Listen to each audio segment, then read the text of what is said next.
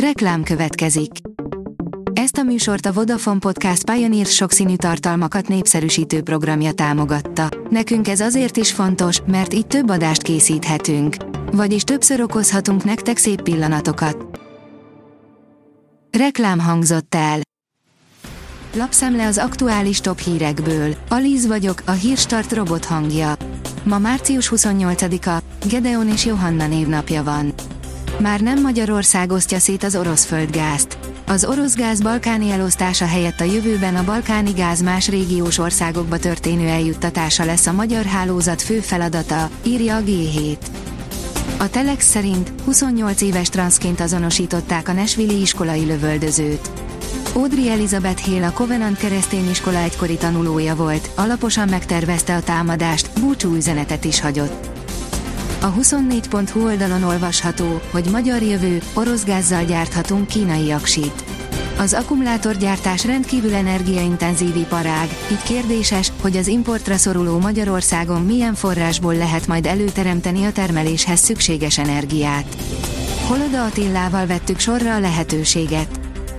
Három hónapja van a magyar kormánynak a pénzcsap megnyitására, írja a Szabad Európa.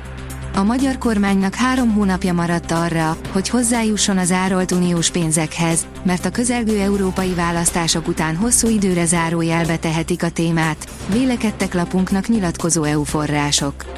Orbán Viktor szalámi taktikával próbál hozzáférni az uniós húsos fazékhoz. A 444.hu írja, 9 embert húztak ki puszta kézzel a beomlott bányából.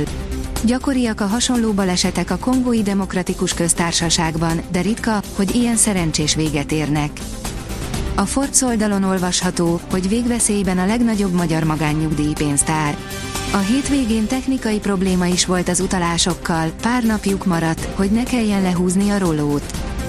A magyar mezőgazdaság írja, emésztési zavarunk leolvasható az arcunkról. Az emésztőrendszer az egyik legfontosabb felület, amelyen keresztül belsőnk közvetlenül érintkezik a külvilággal. Ezért lényeges, hogy mit, mennyit és hogyan fogyasztunk, mert mindennek nyoma lesz a testünkön, és annak is legszembetűnőbb részén, az arcunkon. Az Agroinform kérdezi, hogyan lehet eladhatóbb a magyar bodza. Hazánkban nagyobb felületen termesztik a következő hetekben virágzó bodzát, mint az egyéb bogyósokat. Az Autopro szerint extrém hidegben tesztelte e teherautóit a Daimler.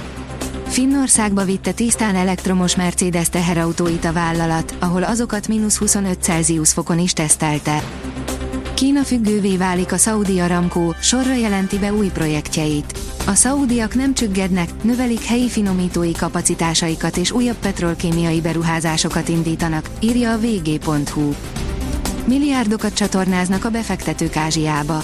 Múlt héten az indonéz Credivo és az izraeli eToro vívott szoros tőkebevonási versenyt, mindketten 200 millió dollár feletti összeget kaptak, áll a fintech cikkében.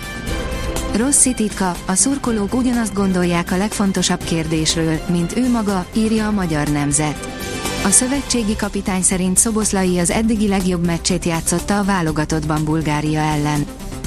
A büntető.com teszi fel a kérdést, beindul-e a Manchester United 20 éves bekér Skóciában. Az ős Manchesteri Will Fistét mérkőzésen 18 évesen egyetlen percet kapott Olgunnár Szolkjertől, Erik Tenhaktól még annyit sem. Miközben az angol utánpótlás válogatottakhoz is meghívták, az ötödik ligás Stockportba nem fért be. Minusz 10 fokos fagy is lehet a hét közepén. Kedd estére országszerte mérséklődik a légmozgás, a napközben képződött gomoly felhők is feloszlanak. A hideg légkörben így ideálisak lesznek a feltételek erős éjszakai lehűléshez, áll a kiderült cikkében.